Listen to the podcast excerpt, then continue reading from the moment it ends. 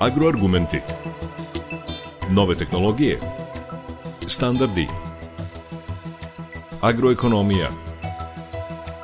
Ruralni razvoj. Projekti. Investicije. Preduzetništvo. Biljna proizvodnja. Stočarstvo. Agroargumenti. Uređuje Stevan Davidović.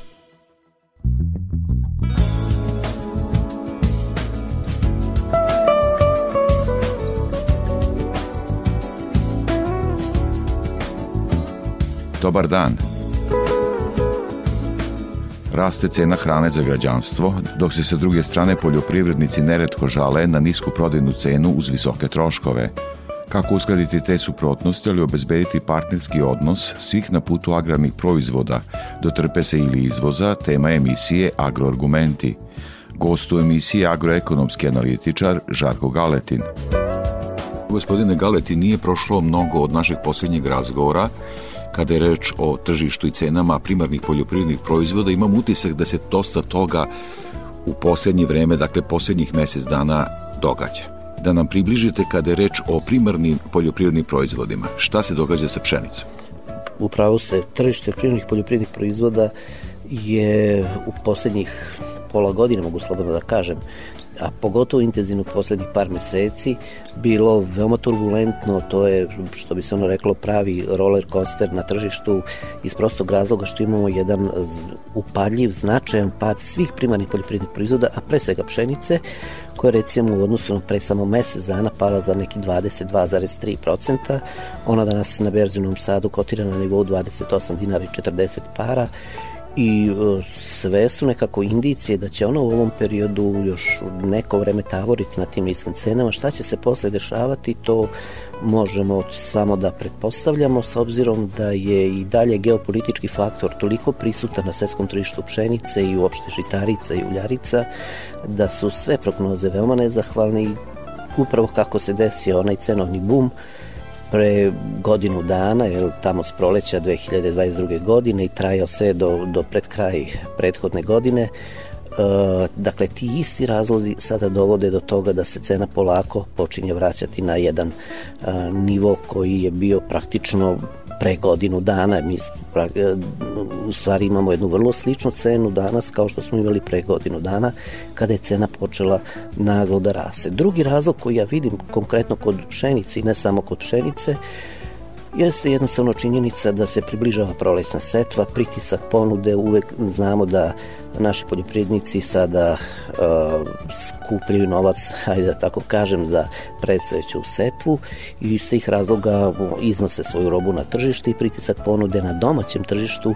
Iz tih razloga je nešto veći, pa je to još jedan razlog više zašto na domaćem tržištu imamo ovakvu situaciju da nam pšenica pada, iako neke svetske prognoze govore da bi cena mogla u nekom narednom periodu, dakle kad se završi prolećni radovi, prolećna setva i kada se stabilizuje tržište, da bi cena mogla čak da ide i nešto gore.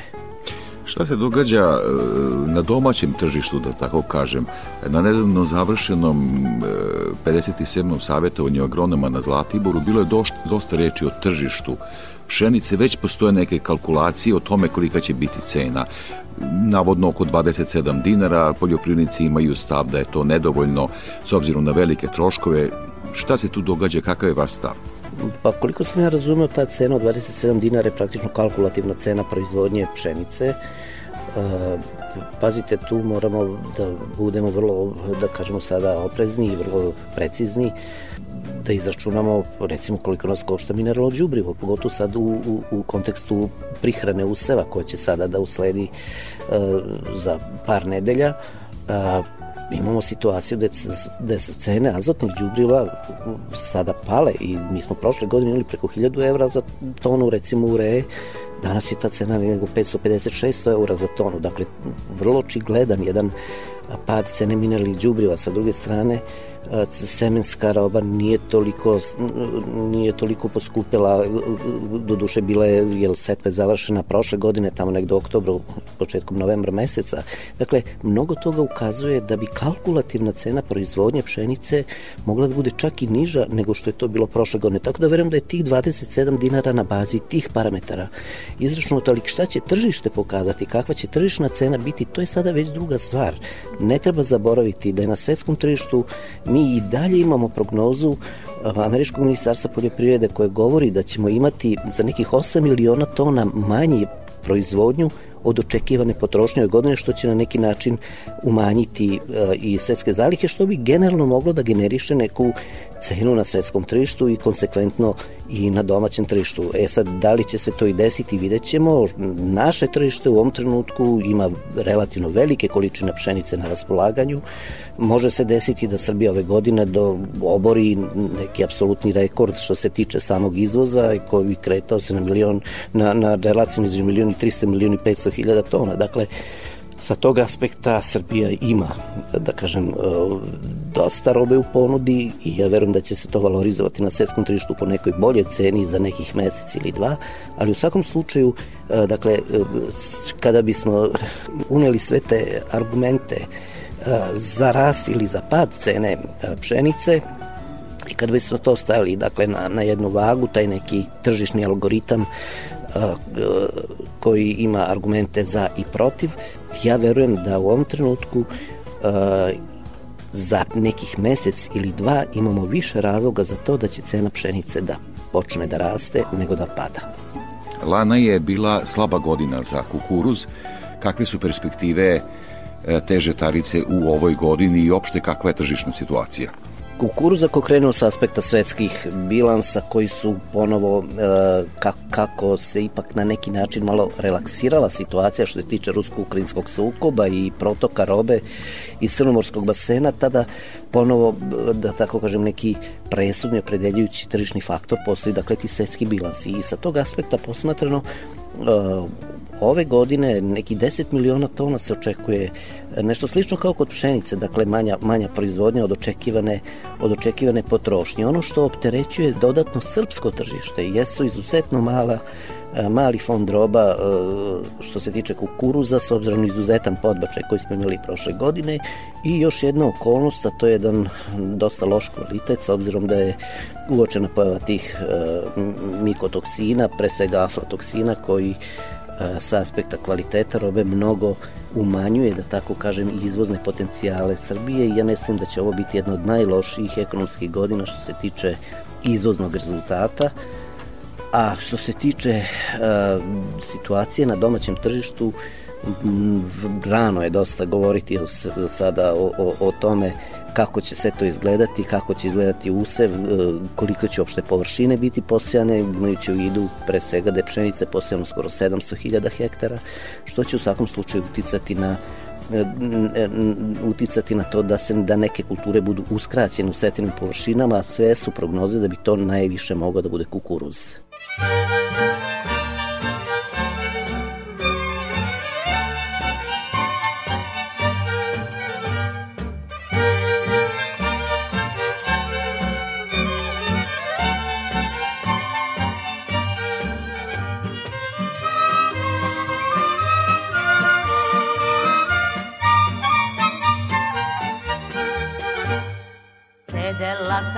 mašinom, šila sam. Pitali me oficiri čija sam. Sedela sam za mašinom, šila sam. Pitali me oficiri čija sam. Maro, Marice, dušo i srce Ti si meni moja ljubav jedina. Maro, Marice, dušo i srce si meni moja ljubav jedina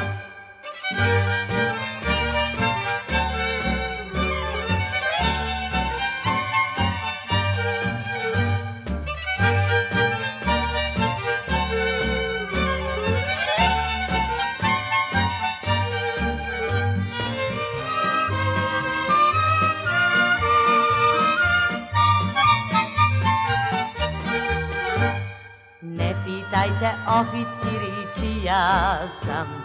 Vodite me vašoj kući, vaša sam. Ne pitajte oficiri čija sam. Vodite me vašoj kući, vaša sam. Malo Marice, dušo i srce Ti si meni moja ljubav jedina. Maro Marice, dušo i srce moja ljubav jedina Agroargumenti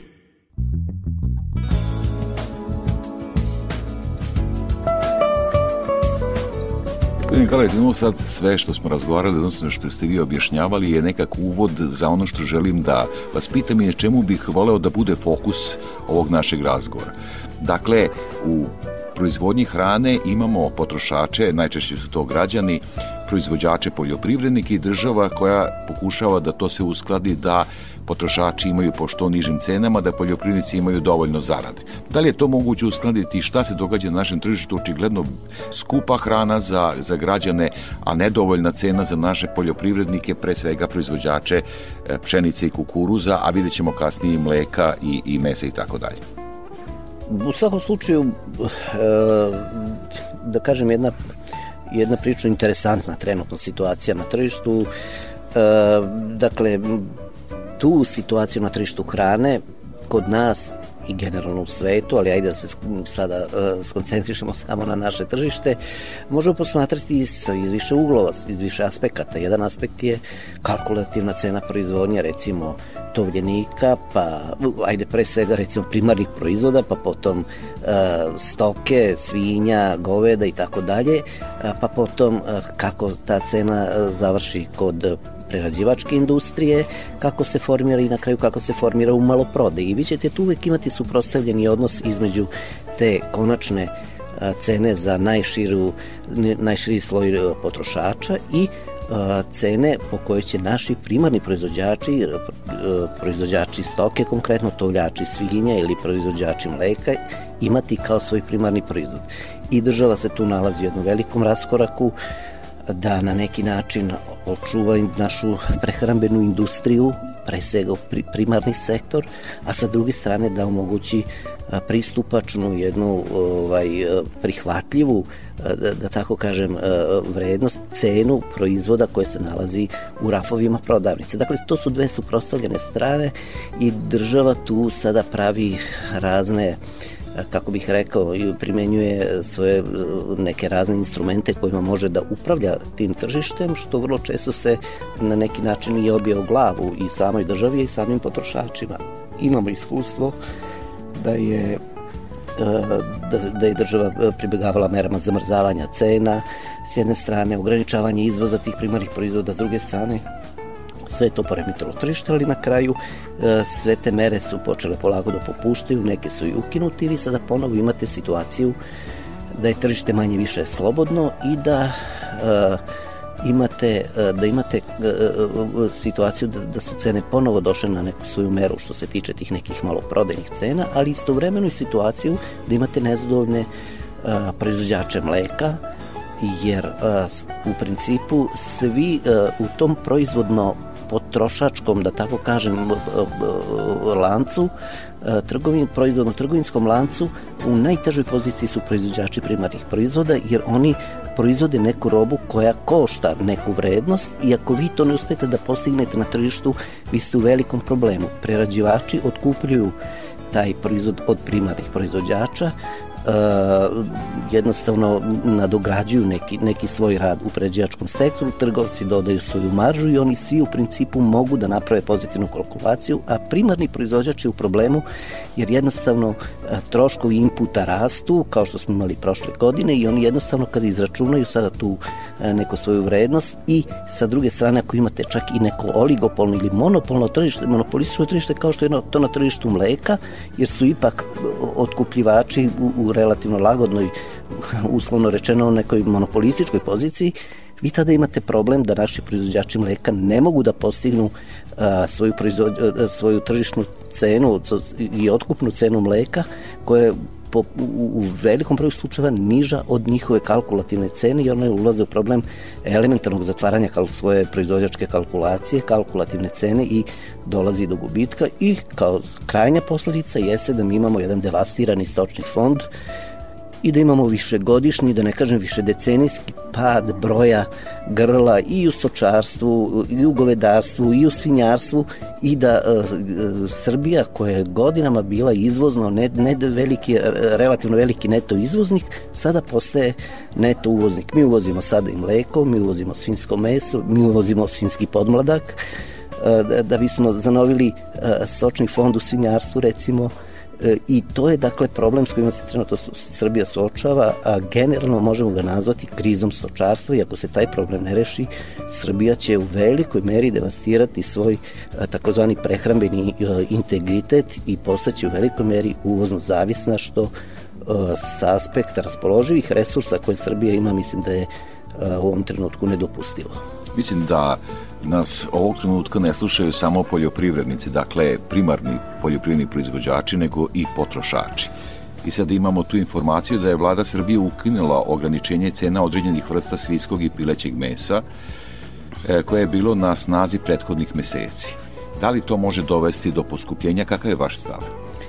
Ja mislim da u ovom trenutku ne, nema razloga, nema potrebe za poskupljenje, do, eto, ta mera je ukinuta i već ima nedelju dana, desetak dana koliko koliko je mera već nije na snazi, ja nisam primetio da su da su klaničari odmah podigli neke svoje cene, da su prerađivači podigli neke svoje cene, bar tih kategorija mesa koji su bili pod merom ograničenja cena, zamrzavanja cena, iz prostog razloga što što čak ni kalkulacija, pro, proizvodna kalkulacija tovljenika u tom trenutku je potpuno, kako bih rekao, kompatibilna i potpuno u skladu sa sadašnjim tržišnom situacijom na tržištu mesa i da nema tu velikih nekih dispariteta i nekih velikih disbalansa uh, na relaciji uh, proizvođača svinja i cene mesa. Tako da mislim da u ovom trenutku nema razloga za, za povećanje cene mesa, međutim, ako ko pažljivo prati tržište tovljenika može sada već da konstatuje da je cena tovljenika u poslednjih desetak dana recimo otišla na nekih 240, 250 pa čak i više od toga dinara po kilogramu što na bazi tih kalkulativnih onda nekih računica može da se desi. Dakle, ako, klanice, ako su klanice spremne da plaćaju po toj ceni tovljenike u klasi između 80 i 120 kg, onda e, već morate da imate na umu da ćete iste klanice svoju kalkulaciju podobiti tom, toj vrednosti inputa koja je, kažem, sada otišla na neki nivo 240-250 dinara i stoga mi tamo negde za 2-3 meseca možemo da očekujemo Uh, možemo da očekujemo da upravo od, ovih, od ovog ciklusa proizvodnog tovljenika može da dođe do rasta cena mesa u prodavnicama, ali kažem, eto, možda tamo negde za 2 do tri meseca, ne bi to bio ne znam koliko veliki rast, ali u svakom slučaju bila bi, bila bi jedna ozbiljna korekcija, ali da ponovim u ovom trenutku ne vidim, ne vidim neki razlog da dođe do nekog značajnijeg rasta cena mesa u našim mesarama. Pomenuli ste mleko, da li bi intervencija države u smislu zaštite domaćeg tržišta od uvoza, prelemani i ostali pomogli u situaciji šta sa novcem prikupljenim od zaštite tržišta?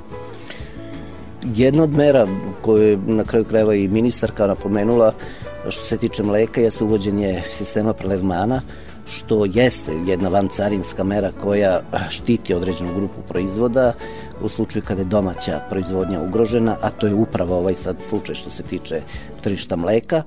Nekako je svetska, da kažem, praksa e, takva da se ti prelevmani, da se taj budžetski prihod uh, od prelevmana uh, za određenu grupu proizvoda usmeri upravo prema proizvođačima tih grupa proizvoda kako bi se podstakla domaća uh, domaća proizvodnja.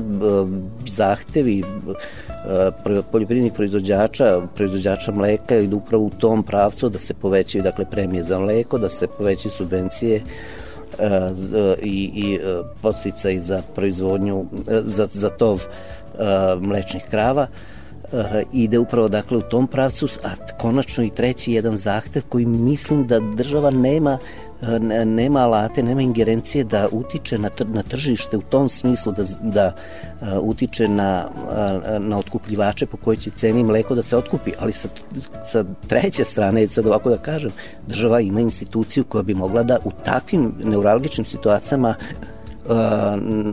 pomogne našim poljoprivrednim proizvođačima da interveniše na tržištu, to je Republička direkcija za robne rezerve. Koji su kapaciteti sada Republičke direkcije da to efikasno uradi, ja u ovom trenutku ne znam, bojim se da nisu dovoljni, ali u svakom slučaju postoje sistemski mehanizmi koje, o kojima bi ozbiljno trebalo razmisliti i mislim da je jedan od, po meni, osnovnih zadataka novog sastava i kabineta Ministarstva poljoprivrede i, i, i Ministarstva trgovine zajedno upravo taj da se na, na, napravi jedno sistemsko, dobro, sveobuhvatno, konzistentno rešenje za, ne samo za proizvođače mleka, već generalno za celu našu poljoprivredu, kako ne bismo ulazili u ove u ovakve probleme kao što nam je sada mlekarstvo, jer kao što se može i po statistici videti, broj stoke, svi, sve grupe stoke izuzev ova, ovaca imamo, imamo pad iz godine u godinu i mi smo sad došli u situaciju da imamo 2,4 miliona tovnih svinja, za razliku od pre recimo 20 godina kada smo imali neki 6-7 miliona ton, dakle, miliona komada, uh, imamo 800.000 muznih krava, što je daleko najniži uh, najniže stanje u, u jednom dužem vremenskom periodu i to nas sve do, zajedno dovodi u problem da nećemo moći u krajnjoj liniji da zadovoljimo domaće potrebe i da ćemo ono što je do pre desetak, 15 godina bilo neverovatno postati zemlja u pretežna zemlja uvoznica kod pretežnog broja poljoprivrednih proizvoda. Uranu, zoru,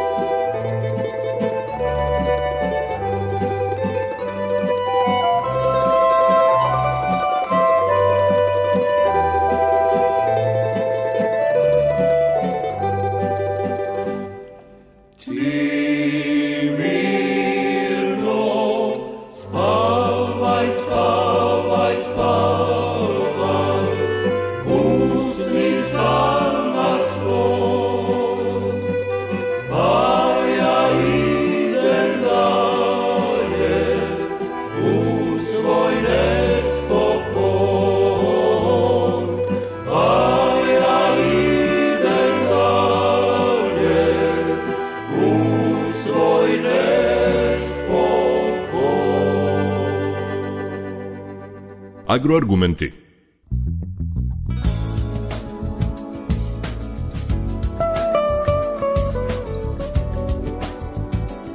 Agroargumenti. gospodin Galin, želim vas i ovo pitati, dakle, više puta ste to pomenuli, taj put hrane, proizvođač, prerađivač, trgovac i država koja sve to e, nadgleda i reguliše zakonima, imali tu partnerskog odnosa, dakle, e, šta se dešavalo zadnjih 30 godina sa prerađivačima i koliko su oni blizu, da kažem, e, proizvođači i kak, da li je to partnerski odnos? Ta je vaša procena? To je, to je suštinsko pitanje. Dakle, taj, kako bih rekao, a, taj, taj promašaj, da, ako mogu tako da se izrazim, u, u, u privatizaciji koju smo imali tamo početkom 2000-ih pa i pre toga, jednostavno doveo do toga da smo mi prerađivački i proizvođački sektor, dakle primarne proizvođači i prerađivački sektor otuđili jedne od drugih.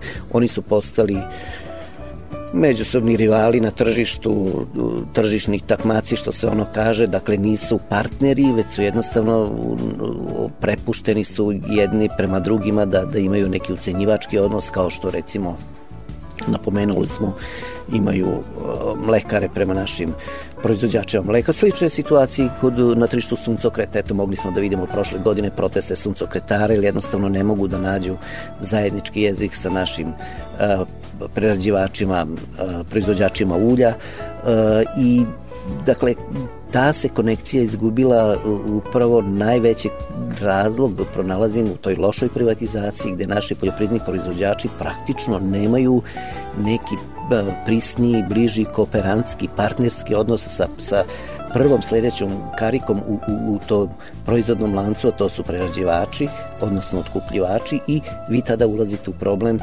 da praktično postajete protivnici na nekom tržištu umesto da postajete partneri i da brinete jedni od drugima. Ja ću evo samo ovom prilikom izeti jedan pozitivan primer po meni jedin, jed, jedna svetla tačka u celoj toj priči, recimo odnos šećerana prema proizvođačima šećerne repe. Eto, to je možda neki model koji bi mogao da se primeni i u ostalim u, u ostalim sektorima kako ne bismo dolazili u situaciju da imamo ugroženog primarnog proizvođača i jednog relativno relaksiranog i bezbednog prerađivača, odnosno krajnjeg, krajnjeg proizvođača i prerađivača, da li je to u pitanju mleku ili meso i tako dalje, ali kada ugušimo primarni sektor, ni taj prerađivač i proizvođač mleka ili mesa ili tako dalje neće imati sirovinu osnovnu, već će morati da je uvozi, a to su sada već neki drugi problemi.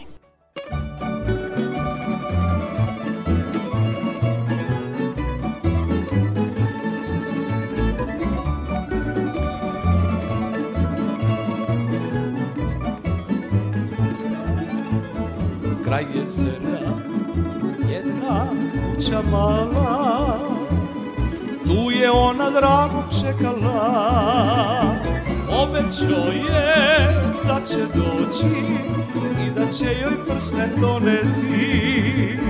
Obećao je da će doći I da će joj prsten doneti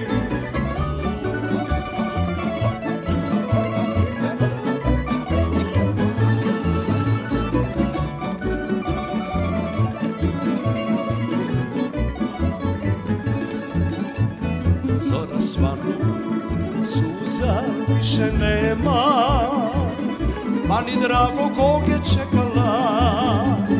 Kraj jezera plakana Maramica bela ostala Kraj jezera plakana Maramica samo ostala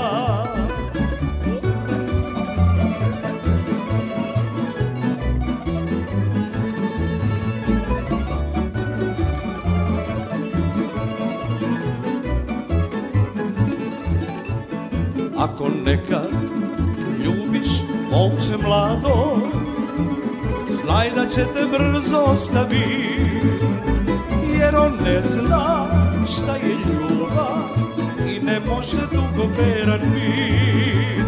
Jer on ne zna šta je ljubav I ne može dugo veran bit. Agroargumenti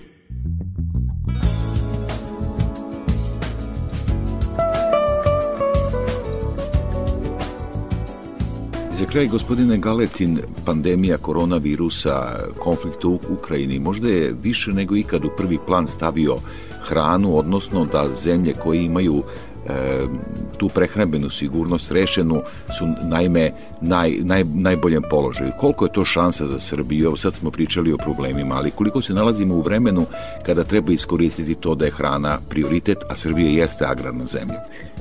mislim da ne treba boljeg primjera nego upravo prošla godina.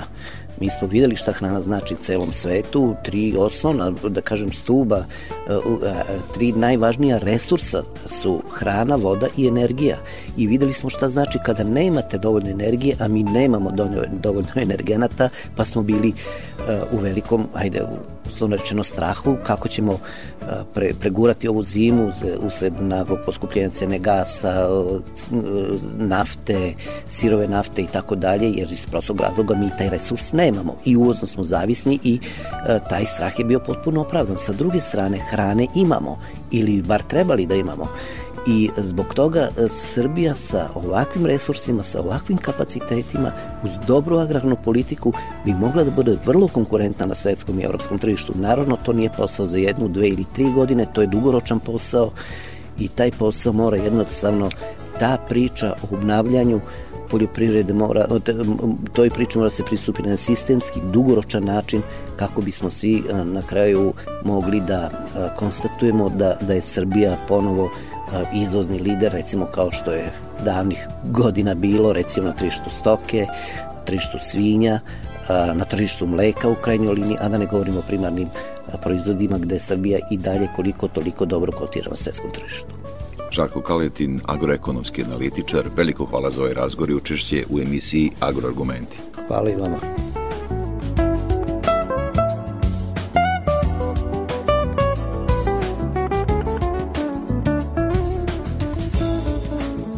Slušali ste Agroargumente. Tema je bila aktualno stanje na tržištu hrane i kretanje cena u primarnom agraru. Emisiju montirala Marica Jung. Pozdravlja vas urednik i voditelj Stevan Davidović. Možete nas slušati i na portalu Radio Televizije Vojvodine na adresi rtv.rs. Ostanite uz naš program.